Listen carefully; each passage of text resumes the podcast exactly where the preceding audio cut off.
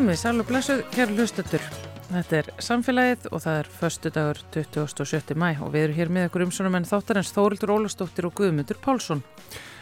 Í gær var kynnt hildarendurskoðun og aðgerra áallun vegna þjónustu við eldra fólk undir yfirskriftinni Gott að eldast og þá var líka sagt frá greiningu sem KPMG vann fyrir stjórnvöld. Þar kemur fram að eldra fólk leggur mikið til samfélagsins og að það er mikilvægt að stuðlað auknu heilbriði þessa hóps. Það er líka hefnarslega ábatasamt. Þetta er verðmætur hópur. Endurskoðunin og aðgerra áallunin voru unnin í samstarfi stjórnvalda, sambands íslenskar sveitarfélaga og landsambands eldriborgara. Helgi Pétursson er formaður landsambandsins og hann ætlar að ræða þetta við okkur á eftir. Við heimsækjum svo Frankvæntasvæði á Seltjarnanissi þar sem verið er að reysa svansvottaðar byggingar. Við ætlum að forvetnast um hvað í því fælst með Sigrúnu Melags, geðastjóra Jáverks og svo sjáum við líka húsið sem starfsfólkið á svæðinu er búið að reysa yfir sandlóu og hennar reyður. Það er óheppilega staðsett þetta reyður á svæðinu miðju alveg við vegaslóða stórvirkra vinnuvila en það er allt gert til þess að sambílið gangi upp. Þetta er fallegt. Og svo er, já, já. svo er dýraspjallið, það kemur til okkar sérfræðingur í skötusel og segir já, okkur allt um hann, það verður gott mál. Mjög gott á föstu degi. Já. En við ætlum að byrja á Helga Pétursinni og þjónustu við eldra fólk.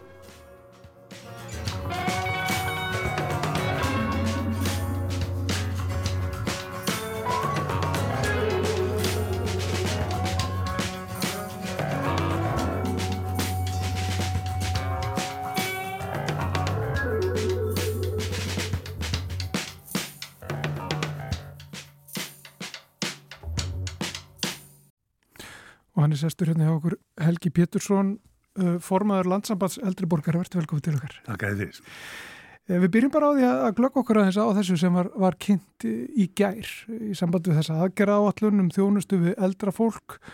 Verkefni gott að eldast og þessa greiningu KPMG þar sem niðurstaðan er að eldra fólk leggur mikið til samfélagsins og kannski ekki að það er að koma mikið óvart eða hvað Nei, nei, en það gerði, ég, það finnst að það var gert það, þannig að svona, svona er þetta.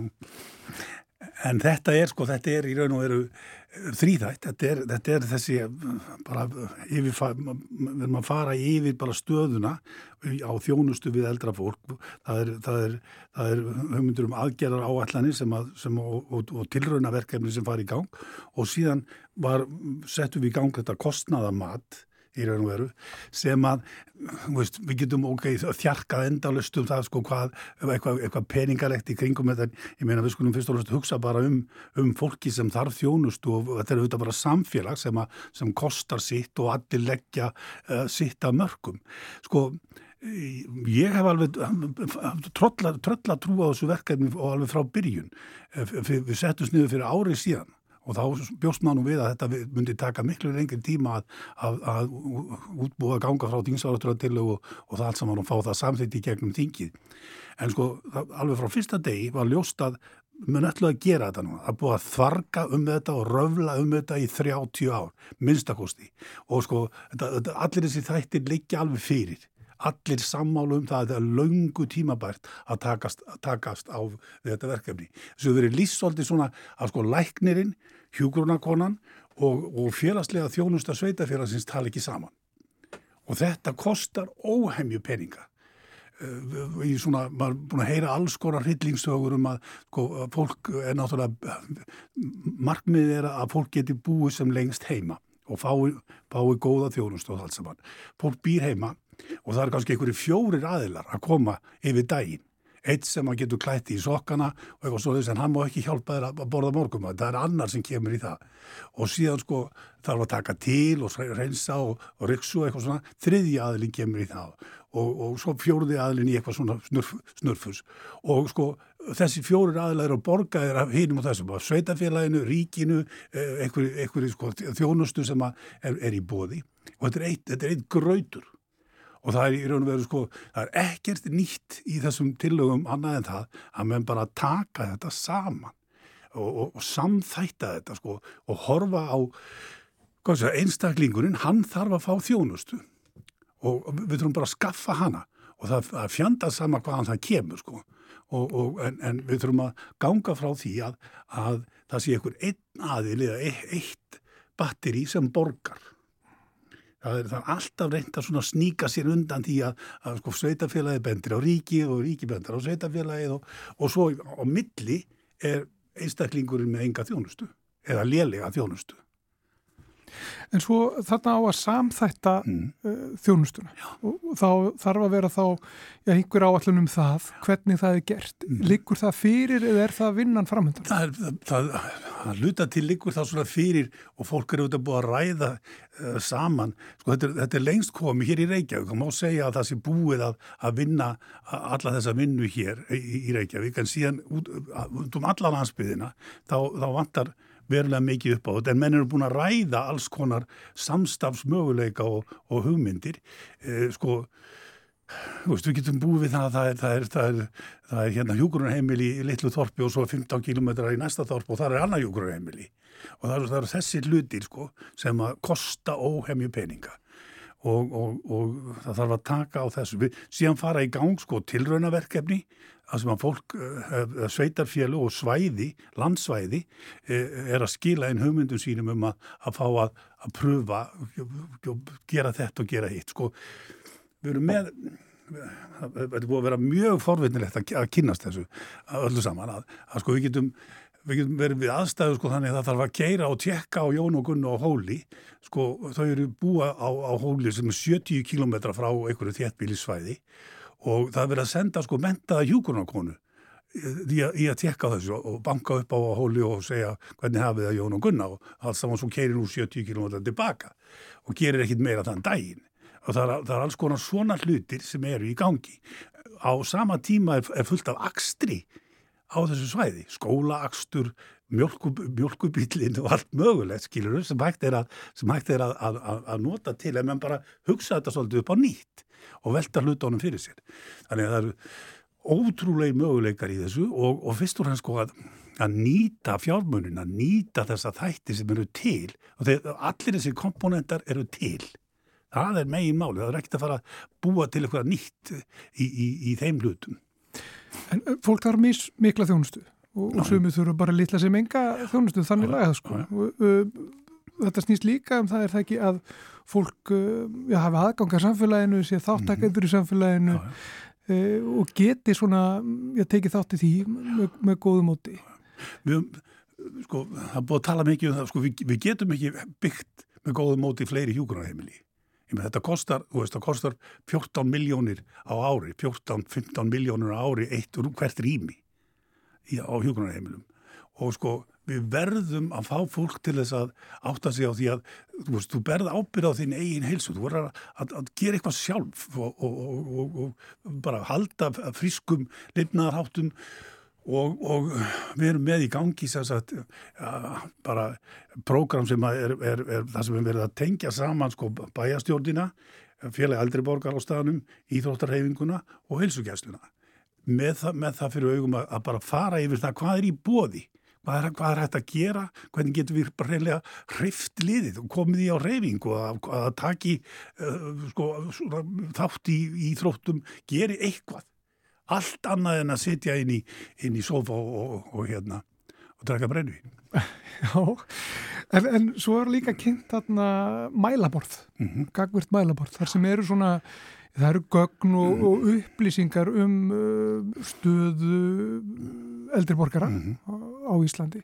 Er þetta, er þetta mikið til, til bóta að geta svona, geta séð sko hvar fólk býr, hvert hvert fólk flytur, mm -hmm. hvernig tekjur fólki með, hvernig þær hafa breyst og svo framvegis og hvernig það dreifast og svo framvegis Sko ég veit ekki, ég er náttúrulega búin að ég hef semst formað á landsambansin sem er landsamband 55 félag um, um, um alland og 37.000 eh, félagsbenn í þessum um samtökum og, og maður, ég er búin að fara á marga fundi og kringum þetta og ég er alltaf fundið svona og eiginlega fundið á sjálfum við líka að við séum svona svolítið að það sé eitthvað til í þessu að eldra, eldri kynnslóðin muni leggjast eins og mara og þessa yngri og þetta verði allt að, veist, að, við höfum alveg kæfa allt undir okkur og öfugur píramíti og eitthvað svona menn eru búin að skrifa lærðar greinar um þetta sko, svo er þetta bara kæftæði auðvitað bara borgum við alveg sko upp í topp fastegna gjöld og skatta og allt það, það kemur í ljós að,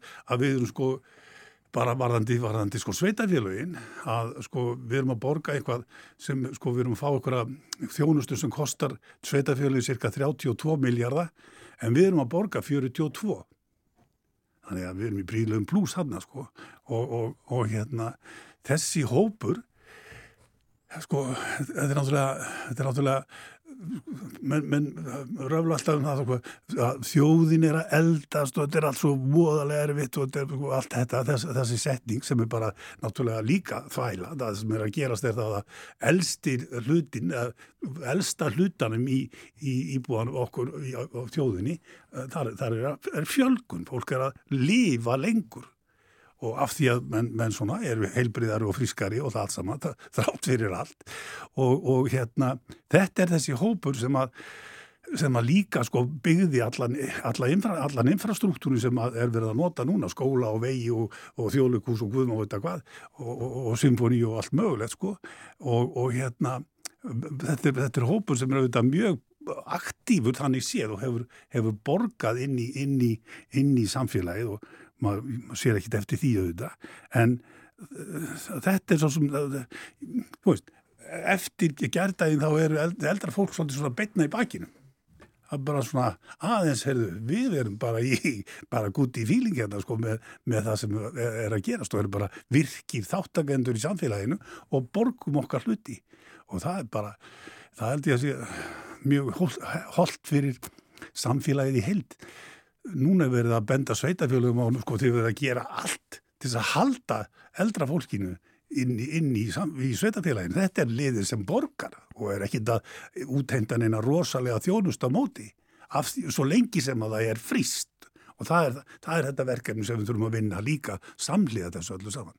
Ná, hvað er stærsta málið svona í, í þínum huga í, í þessu samviki? Það, það er náttúrulega kjara mál þessa hóps líka sko og, og partur af því að það sé gott að eldast er það að fólk hafi peningamilli handan og það sé ekki sko á einhverju helvitis horrim á, á þessum síðustu metrum sem að, sem að hérna maður er á.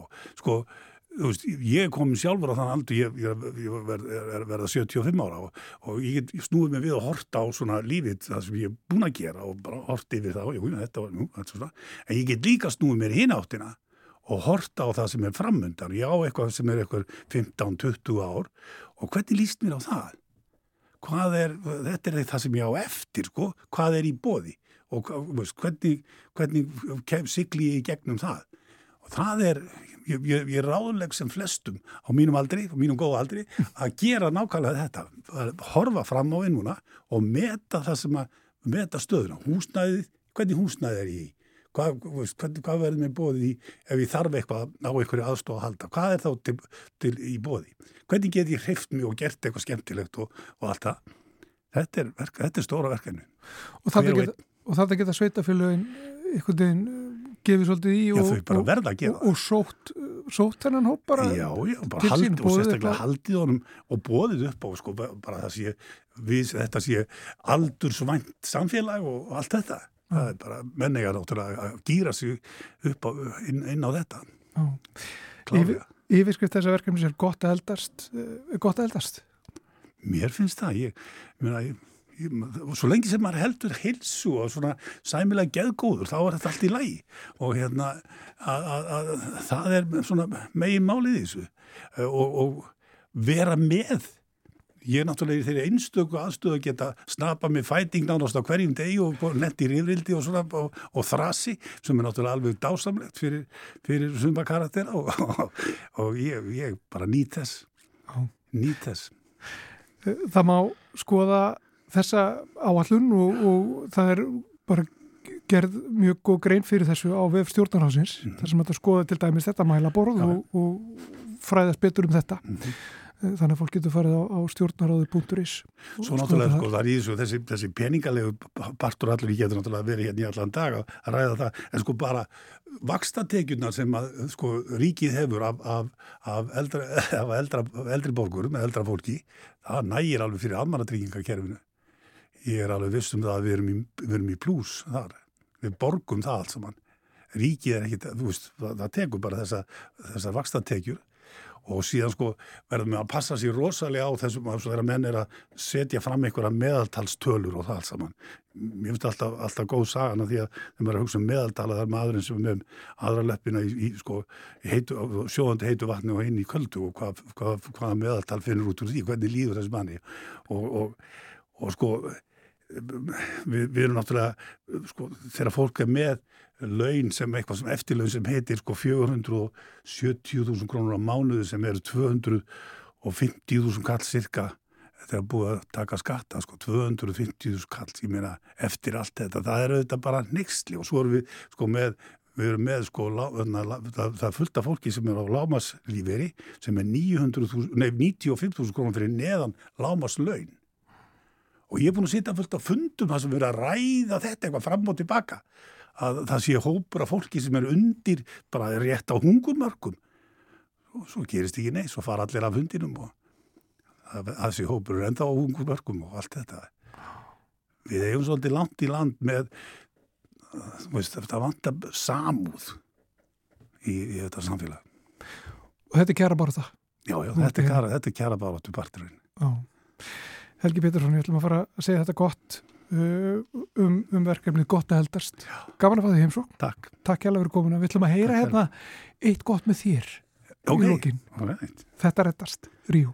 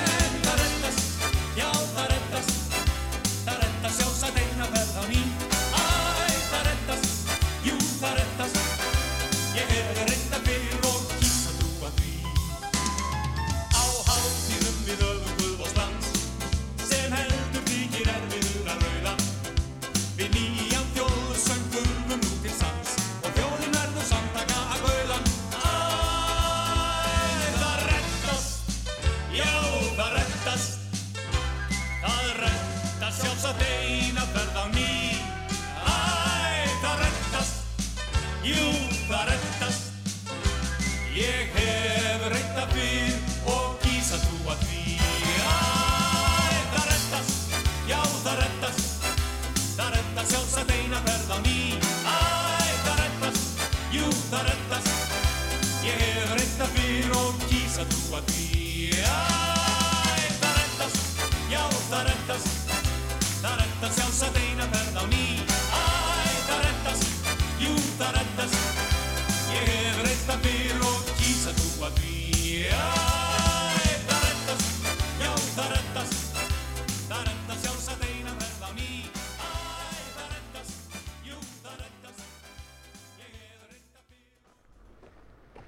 Ég stött á miðju byggingarsvæði hér á höfuborgarsvæðinu. Þau eru náttúrulega alveg ótal mörgum þessar mundir. En þetta byggingarsvæði er á Seltjartanesi út á Gróttu og hér er náttúrulega allt á rú og stúi eins og gerðan fylgir eh, byggingarsvæðum en eh, fyrir lærið augu þá er þetta allt saman á plani og í skipulagi. Ég er hinga komin til þess að hitta Sigrúnu Melags, hún er gæðastjóri, öryggistjóri, umhverfismálastjóri hjá Jáverk. Sælvertu Sigrún. Sæl. Þetta svæði hérna sem er verið að byggja upp, hvað er þetta? Þetta er sagt uh, verið að byggja hérna íbúðir, gróttubyggð. Hérna er verið að reysa fyrstu húsin og verða samtals 26 hús og í þessari blokk sem við verum að horfa á hérna að verða 25-26 íbúðir. Þetta verður allt svansvotað þannig að við erum að mikið að reyna að vanda okkur í umhverfismálum hérna. Mér finnst þetta bara svona lítið út eins og hverjum hús. Hvað gerir þau svansvottuð?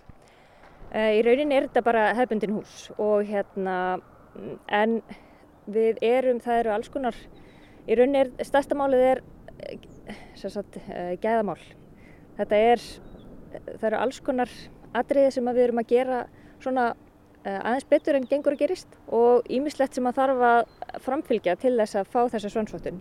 Það er mikið hort til innivistar um, að það sé svist, gott loft í húsinu. Það þarf að samþykja allt byggingarefni sem er notað þannig að það er búið að passa upp á það að það sé ekki krabbmessvaldandi og hormonatröflandi efni í húsinu. Það þarf að uppfylla ákveðna orkunótkun þannig að hérna, það eru loftskiptikerfi í öllum íbúðum með varmaendimislu sem að þýðir að loftgæði íbúðana verða meiri og það hjálpar líka tölver til við að uh, bæta sagt, uh, loftgæðin. Þú veist það hindrar að rík komist inn og hérna passar upp á það sé alltaf loftskipti þó það sé vond viður eða kallt úti eða svo leiðis. Og miklan maður? Já, miklan. Það hefur mikið að segja með það líka. Veist, og við þurfum að setja upp sérstaklega, rakavarnar áallun og gera mælingar á byggingarefnum til þess að passa upp á það að það sé ekki verið að læsa inn í raka því að ef að þú ert að byggja húsi það er oft mikill byggingaraki og náttúrulega rók og rigning hérna, eh, ansi oft. Já, við erum á Seltjarnanessi eftir allt. Já, og ef við lokum byggingarefnin inni með öllum rakanum, leifum þeim ekki að þotna, að þá erum við að læsa inni rakt efni sem að, að öllum líkindum mun mikla. Já. Þannig að það er verið að passa upp á það. Sko ég veit að það er náttúrulega byggingarinn er að taka við sér svona í grænu skrefunum. En veist, eru mörg svæði eins og þetta hérna, uh, þetta byggingamag sem er að rýsa hér og að vera sannsvota, eru mörg svæði uh, viðlíka á Íslandi? Eh, það eru nokkur verkefni í gangi. Við erum með þrjú stór verkefni í gangi og eftir því sem ég best veit að þá erum við vantanlega að byggja flestar sannsvotar íbúðir af byggingaralum á Íslandi. Uh, Miðbarn og Selfossi er stærsta einstakaverkefni sem hefur flotið svonsvotun og við byggðum það líka uh, en uh, þetta er ekki að fara nógur hratt af stað að mínum mati. Ég myndi vilja sjá miklu fleiri mm. vottaðir íbúður.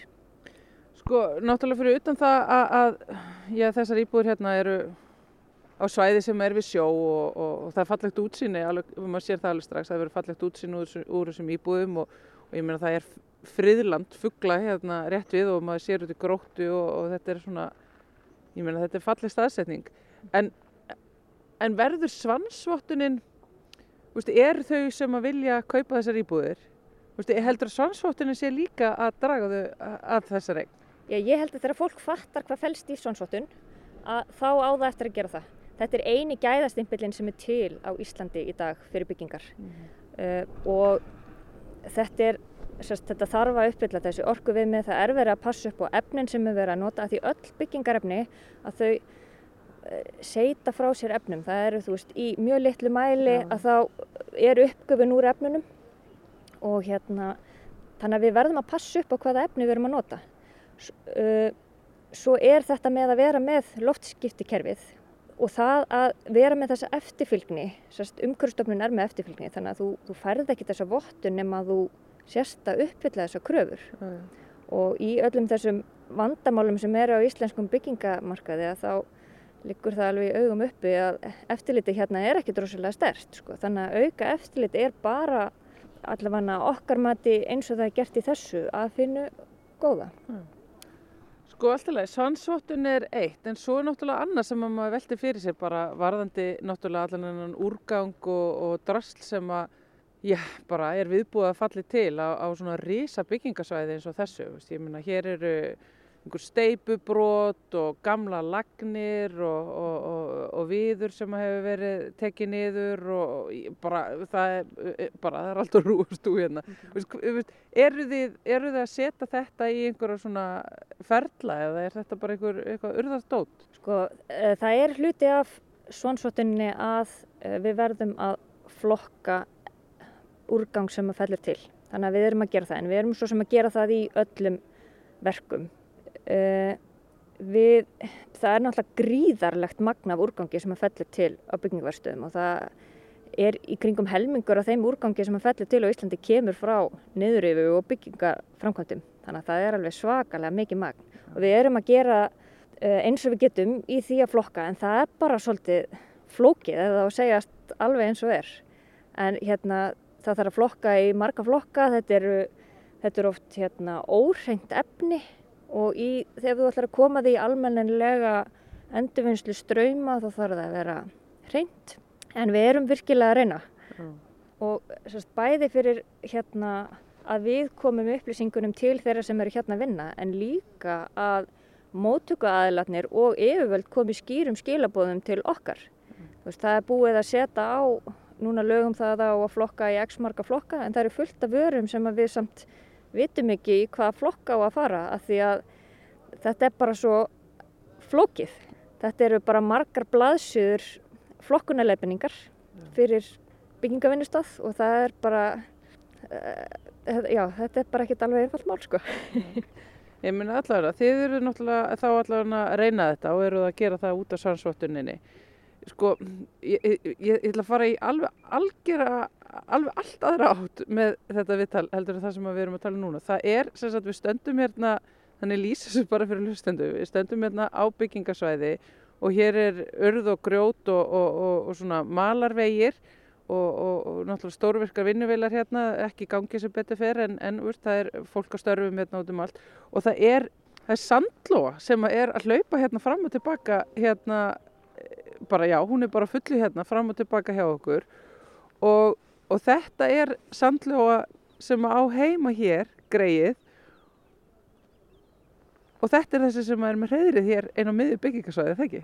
Jú, það er svolítið skemmtilegt að hún skulle hafa valið sér þennan stað til þess að setja pröður en þetta er mitt bara við alveg upp við uh, veginn sem að vörubílinn er að fara hérna með efni Greið, e, getur hún verið hérna með? Það er, það er býtur nú, það er skils sko, þau sagðu mér þegar ég kom hérna að það væru, ef þú voru að kíkja, fyrst þú liggur ekki á, býtur nú við, það sjá. Mér skilst að það séu fjögur egg hjá henni, greiðinni. Svona maður sjá, ó, ó, ó, já, já, já, þetta er allt í læg. Það eru fjögur egg, já, allt í læg. Segur hún, skulum koma, hún er alveg fór tauga áfall hérna greið. Fjögur ekk hjá henni, fjögur ekk. Við skulum fara að hún getur lagst á. Býtu hérna og það er búið, það, það er búið að byggja yfir hana. Já, það kom svo vond við hérna um daginn og svo er náttúrulega verið að keira hérna framhjá þannig að það var bara byggt skíli fyrir hana og sett keila við hliðina þannig að það væri nú byggilegt hana hjá henni. Það er búið að setja keilu, umföra keilu og byggja yfir hana og ætliði að hjálpa henni að koma þessum ungum sínum á legg. Það er spurning hvort að þegar að ungarnir fara að staða hvort að þurfa að vera hérna einhver að hlaupa á eftir þeim og ná í þá og passa að það er ekki kert yfir þá. Mér finnst bara, bara blasa við að jáverk þarf bara að ráða sérstaklega mannesku til þess að passa þessa unga ef þeir, þannig að þeir flækist ekki fyrir dekkjunum og umferðinni þarna. Ég held að þurfa að gera eitthvað svolítið að setja upp svona eitthvað skíli fyrir þá, leikgrind fyrir ungarna. Greiðin! En þetta er náttúrulega kannski eitt af því sem náttúrulega fylgir aftur þessu svæði. Sko, það er kríuvarp náttúrulega hérna í friðlandinu og það er gríðilegt fugglalíf hérna á þessu svæði. Þannig að ég menna við erum náttúrulega að taka svæðið af þessum vesalingum hérna. Þannig að ég menna við veit að bara leifið henni að eiga þessa unga og passi þá og, og, og bara gerði ekki neitt fyrir en hún er bara búin að koma þeim og legg. Hún getur ekki verið hérna væntalega á næsta ári. Nei, það verður ekki hægt að vera þarna næsta ári. Þannig að við þurfum að passa upp á hana. Já. það sem að fugglar velja sér stundum skrítna staði til þess að vera á. Ætlinni finnist kannski, kannski finnst henni bara eitthvað öryggi í því að vera hérna þegar hér er mikið umstang og veist, kannski finnst henni bara betra að það séu einhverju vörubílar og gröfur að keira fram hjá sér heldur en að það séu sko máar og kettir. Mm -hmm. Það getur bara alveg verið sko. Já. Við erum hérna að rölda sagt, inn á sko, hvenar eru áallu verklokk á þessu svæði? Sko þetta er náttúrulega uh, stórt verkefni þannig að það er verið að vinna þetta í áfengum.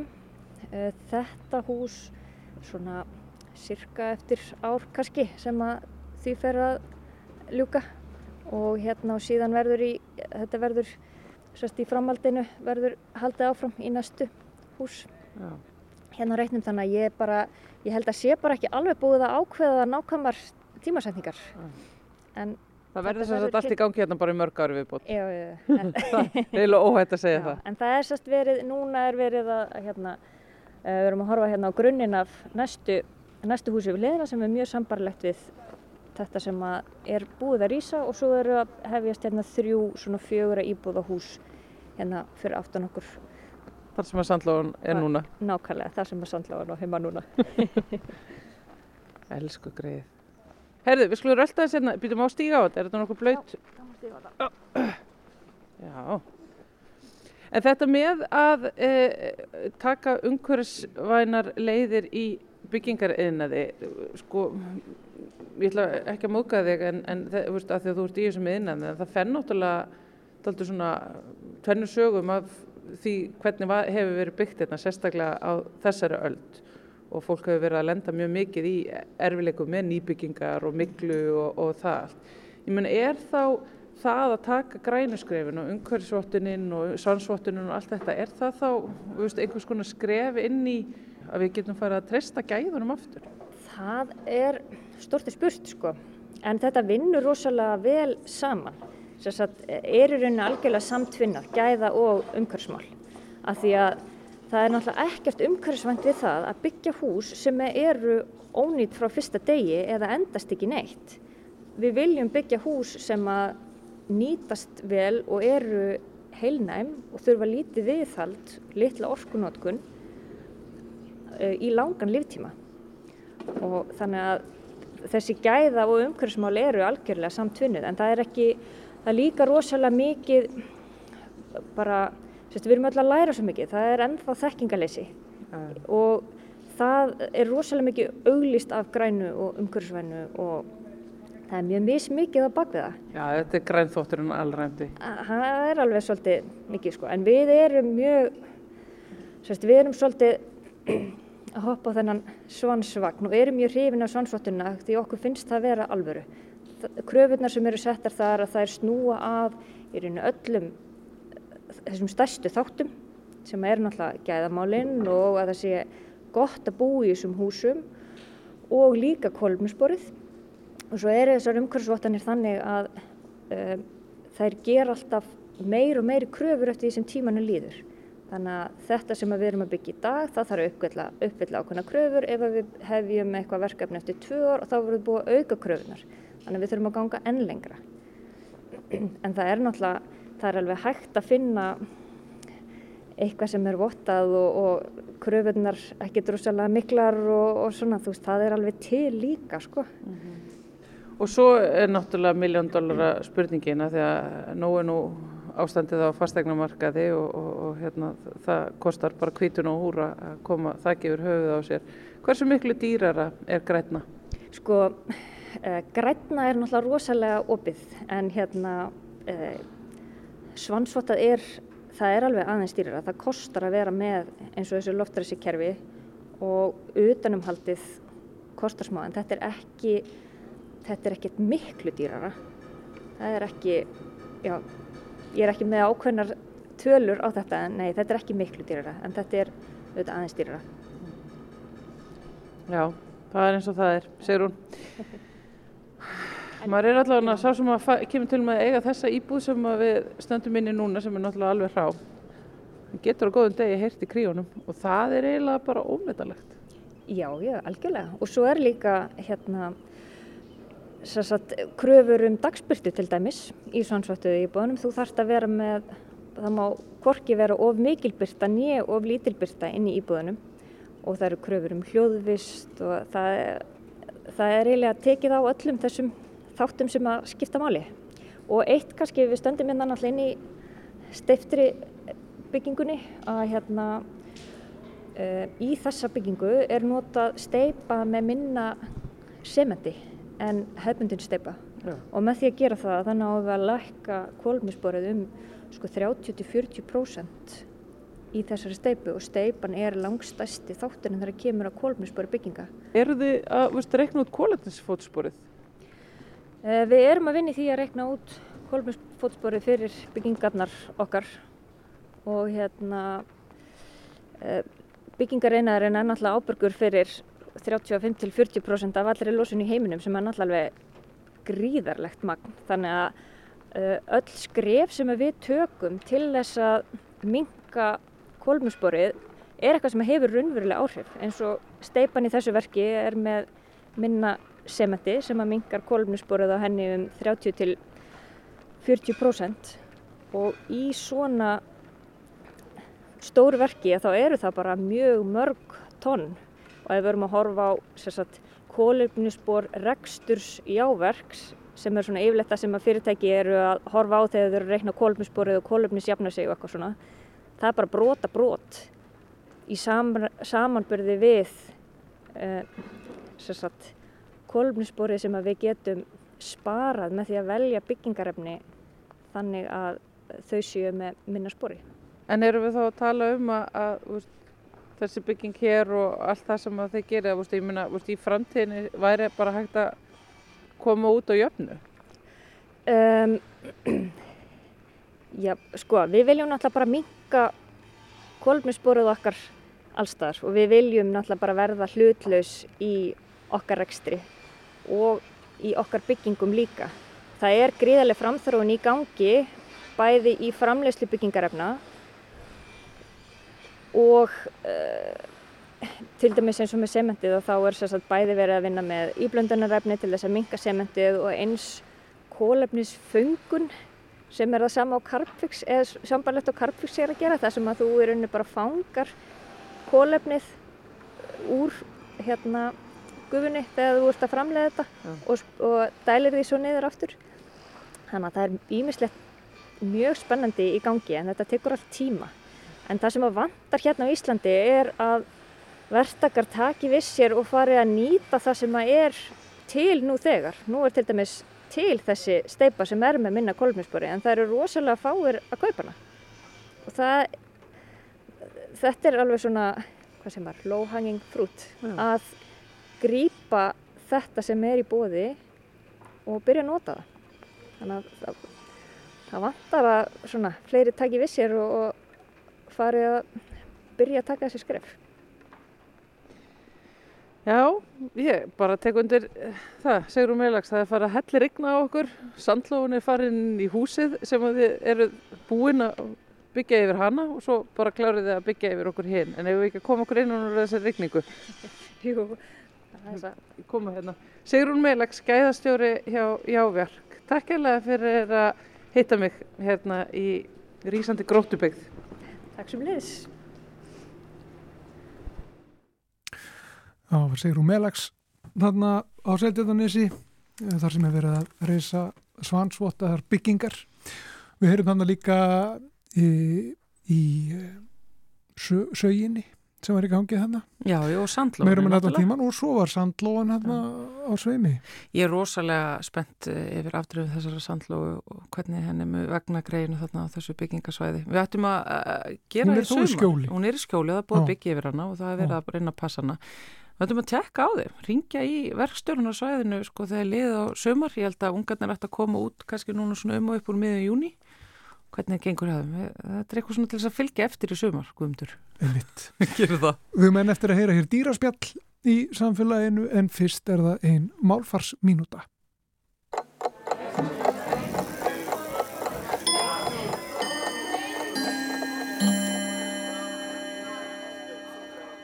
Skipting orðaforðans í opna og lokaða orðflokka fylgir ekki skiptingu í fallorð, sagnorð og smáorð.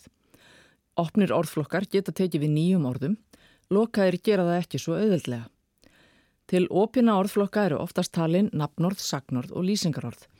Við sjáum glögt að þessir orðflokkar taka auðveldlega við nýjum orðum sem kemur fram í fjölda aðkomi orða, bæði svo kallara slettna og töku orða. Sletturnar eru teknar upp óbreyttar en töku orðin löguð að málkjærfinu. Auk þess er grósku mikil nýjirðasmíði í þessum orðflokkum sem byrtist bæði í því að fólk býr sér til ný orð eftir þörfum í daglegu tali og í því að sérfræðingar taka að sér að búa til íslensk hugtök og heiti þegar þeirra gerist þörf. Aðrir orðflokkar eru tregari til að taka við nýjum orðum og því sagður vera lokaðir.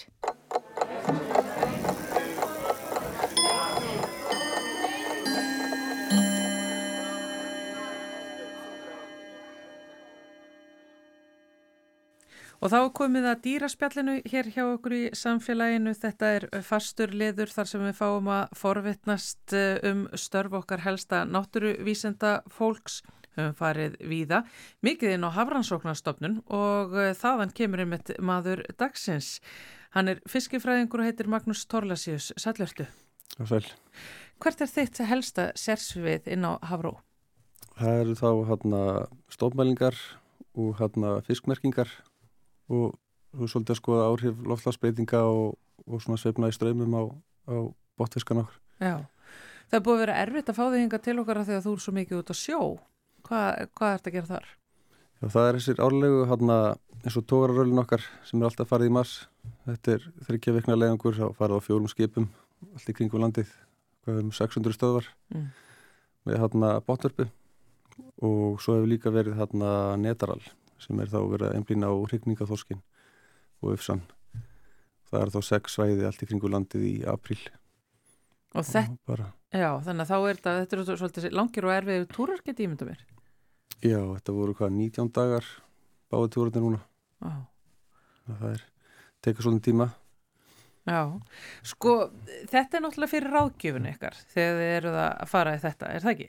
Jú, þetta er notað fyrir hérna svona til grundvallar fyrir flestar bóttustegundunar þegar kemur að rákjöfinni en það mist þetta tegundum hversu mikið að nota eins og fyrir þorskin og svona þá er hægt að nota abla og fleiri leðungra og það til miklu meira upplýsingum því það er bara sapnað meiru og meiri aldurslesningar og svo leiðis eins og eru aðra tegundi það sem er mest meginn stuðst við þessa leðungra. Já, sko getið þið svo vel unnið vísendastörf um borð? Það, já, já. Þetta, þarna, þetta er náttúrulega mjög staðlar sem við gerum svona til grundvallar. Það voru alltaf bara eins og það er þarna, einmitt það er allir þjálfaðir bara í, í sama hlutnum já. og þá bara lengdarmæling og tökum til hliðar þarna, hlut sína af hverju tegund sem er svo tekin ítalari og tekin hlust þarna óslægt, slæðþyngd og viktu lífærin líka og, og tekna kvarnir úr höstum til að aldurslesa. Já. Sko eins og þú lýsir þessu, þetta eru langir túrar, 19 dagar sem þú varst í uh, stöðluð vinna um borðu náttúrulega, veist, þetta er árlegt, þetta er fyrir ráðgjöfuna sem er náttúrulega bara eitt af því sem að kvílur á ykkur á Havró. Mm. Alveg hreinskili svar, Magnús, er þetta skemmtilegt? Það er ofsalega misjátt. Það er maður sér ósa margt í þessu sem að, maður myndi ekki sjá annars, þannig að þetta er alveg, þannig að lært úr síðan áhugavert að þýleitinu til, en svo getur verið vond veður þá er þetta bara ekki neitt skemmtilegt. Og það er alltaf unnið átta tíma kvíld átta, unnið átta, þannig að þetta rúlar svona í allan tíman Já. þannig að það getur verið þreytandi sérstaklega að það er leiðilt veður og maður sefur ekki vel á, á fyrir vattinni og, og allt einhvern veginn er á þegar maður er að vinna. Já. það er alltaf fleið ferð. Já, þannig að þú kemur alveg búin í land.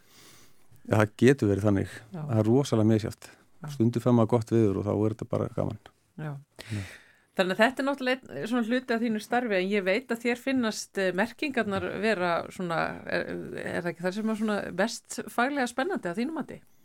Jú, ég finnst það og bara skoða almennt þarna ferðir dýra og fiska þá í þessari vinnu. Bara af hverju þið færa sig og, og, þarna, og af hverju ekki þegar svo leiðis er og einmitt bara allt sem spilar inn í. Mm. Og hvað er svona það sem að þér finnst vera forveitnilegast og mest spennandi? Það hann að síðan ég byrjaði að hafra og þá var að skötursilun sem ég fannst mest áhugaverður af því hann lítur út eins og fiskur sem að likur bara botninum og reyfis ekkert. En svo er hann bara á miklu flakki út um allt. Hæ? Sko, skötuselur lítur út fyrir að vera latur. Já, og er hann á flegi er, ferðið þetta er engin sundfiskur heldur bara þarna eins og að það vantar fæðu eða það er að makast og það er engin aðri skutusilir þá syndir hann upp og nota ströymana sérst. þannig að hann berst alveg út um allt Hann er hann þannig að, að ég held að sko skutusstofnun alltaf tífaldæðist þarna í kringum 2000 Já, það held ég sé út af þarna sveiflum í hafströymum þannig að þá er hann bara hagast eins og venjulega syndir upp og nota ströymana og þá er akkurat þarna, heitari og saltari ströymur sem er hagstætt fyrir hann. Og líka ströymar sem ber hann vera til Íslands. Þannig að hann hefur komið frá Rokkalsvæði til dæmis, þarna öst, vestur af Breitlandsheim það er mikið af ríkningarsvæðum hjá Skutursel Já. og fleiri tegundum. Og þá bæði sko er þetta skrítinfiskur af því að hann syndir út á meira dýpi til að fjölga sér. Hrygnir svona eins og slæðu sem er 10 metrar löng með miljónum ekja og hún síðan flýtur upp á svona 50-100 metra og berst með strömmum í mánuð einna hálfan. Svo er svona lirfustig þegar klekjast úr því sem er líka sveiflegt í svona mánuð og berst þá með strömmum og svo þar fyrir utan er að þegar að fiskurinn sjálfur bara fullorðin fer á, á flakk. Býtu, hvað er þá einn Þannig að- skötuselur að ferðast mikið frá því að hann kemur í þessari hrognaslæðu út úr uh, móðusinni? það getur, það er ekki alveg vita sko. Ég hugsa að það geti verið ansið mikið. Vá, af því að þarna til dæmis á meðan þarna ströymarnir voru í þessa átt þarna upp úr 2000 þá voru merkingar við færiðar og við hjallansegar mertir er svona 1500 fiskar og það endurjæmtist eitt frá hverju svæði fullorðin við Ísland alveg lungu setna og svo held ég að þessi ströymar snýrust tilbaka í sitt vennilega far þarna tjónum villi 2005 og 10 og merkingar hérna í Faxaflóa 2012, það endurheimtist einn sko við Færiðar 2016 fjórum varum setna en þá er spurning hvort hann hafi farið með ströymunum einhvern veginn norður fyrir land og þar eða hvort hann hafi einhvern veginn það er svo margi möguleikar, það er svo flóki strömkerfið í Ísland þetta er alveg Nei. rosalega aðteglisvert. Sko, eh, ég fæ náttúrulega, svo fæ ég líka náttúrulega vatni í munnin að það skötuselur er alveg engar gómsættur fiskur. Mm, Já, Finnst þér það líka? já, Það er Mjög góður. allt við hann. já, já, já. En sko, þegar þú talar um þetta um að merkjan, um, þetta hef ég aldrei almennilega skilið að þegar, veist, þetta er ekki eins og þú setir bara svona airtag appulmerki bara utan um hálsun á honum. Hvernig gerir þetta? Það er hérna annars vegar hefðbundu merkingarnar sem við kallum. Þá voru það sem sagt merki sem er bara stungið í baki á honum í rauninni. Og það eru kallum að geistla sem að lifta uggunum upp á bakinu Já, og þá er þetta svona plast eins og té sem fer þar á milli og geistlarnir halda því frá því að renna tilbaka. Og þetta er oft kallað spagetti merki, þetta er eins og svona lítið spagetti í læginu með númer já. einmitt, já. Þannig að þá er því skilað inn við, sjómenn þá skila þessu inn og, og fá í staðin einhvern svona smá pening og upplýsingar um hvað hann var mertur og svona fiskurinn. En þegar þú ert búin að merkja og veist, þú hefur farið í einhver svona merkinga leðangur og stungið þessu inn í bakið og alveg ótrúlega mörgum fiskum eða skötuselum ferðu þá að fylgjast síðan með sendunum bara daglega eftir það veist, nánu svona eins og að tölvuleikur sem er viðstöðlust í gangi hvar eru þau núna, hvert eru þau að fara? maður myndi gera það að það var hægt með eins og þessi merki þá fáum við einhver upplýsingar nema sjómenn skiliðum inn. Já, já, það er bara þannig. En þarna það eru til skemmtilegri merki.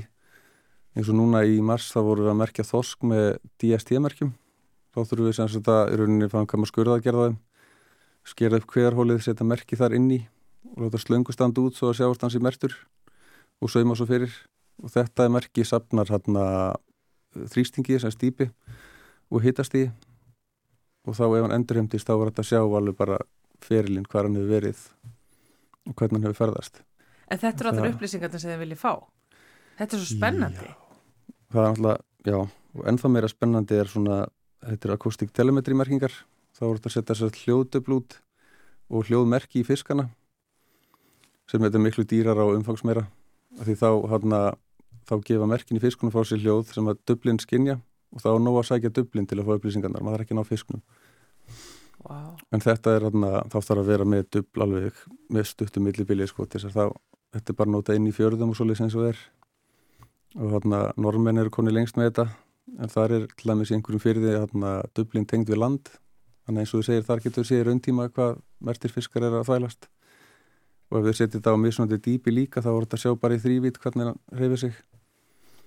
Sem alltaf snild Ef það er eitthvað sem ég hef mitt komið stað með þegar að tala við þig og kollega þína. Er það að, að hérna eitthvað finnst nánast frústrandi verandi fiskifræðingar? Hvað er lítið, viti lítið um fiskara af því að það er mynd málið, þeir eru svo mikið á botninum og þeir gera alls konar hluti sem eru svo óvæntir og, og, og, og lindódómsfullir nánast. Já.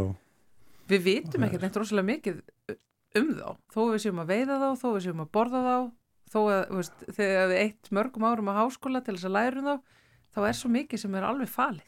Já, það er alveg nóg að gera. En bara, vantar bara tíma. Já. og náttúrulega fjármagn þetta er mjög dýrt allt saman. Já.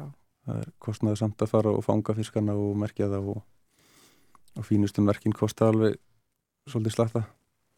Já, og þess Núna nýjasta er hérna svona pop-up merki heitir það sem að festir í baki á fiskinum og þetta prógramera þannig að það sleppi eftir ákveðin tíma. Og það flýtur upp og sendir í gerfinu þess að gögninum þarna, upplýsingar um þarna, þrýsting og, og hitastig og, og mæli ljós líka. En svo kemur náttúrulega alltaf spurningi sem þú ert öruglega spurður af þegar þú ert í einhverjum svona fjölskylduböðum og af hverju mm. þurfum við að vita þetta um skötusili og alla hérna Já, það, fólki fannst mjög pyrrandi þegar hann hafa búin að tífaldast og svo fór hann bara hrinni aftur.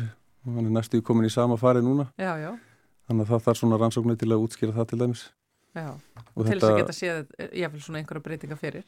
Já, þannig að það, þetta átti við marga tegundir, það var mikið lökningan upp úr 2000 og svo hérna var rosa mislætti tegundu hversu fljóttar gengur tilbaka. Já. en hérna en þetta alltaf með svona rannsóknir geta sínt fram á margt svona.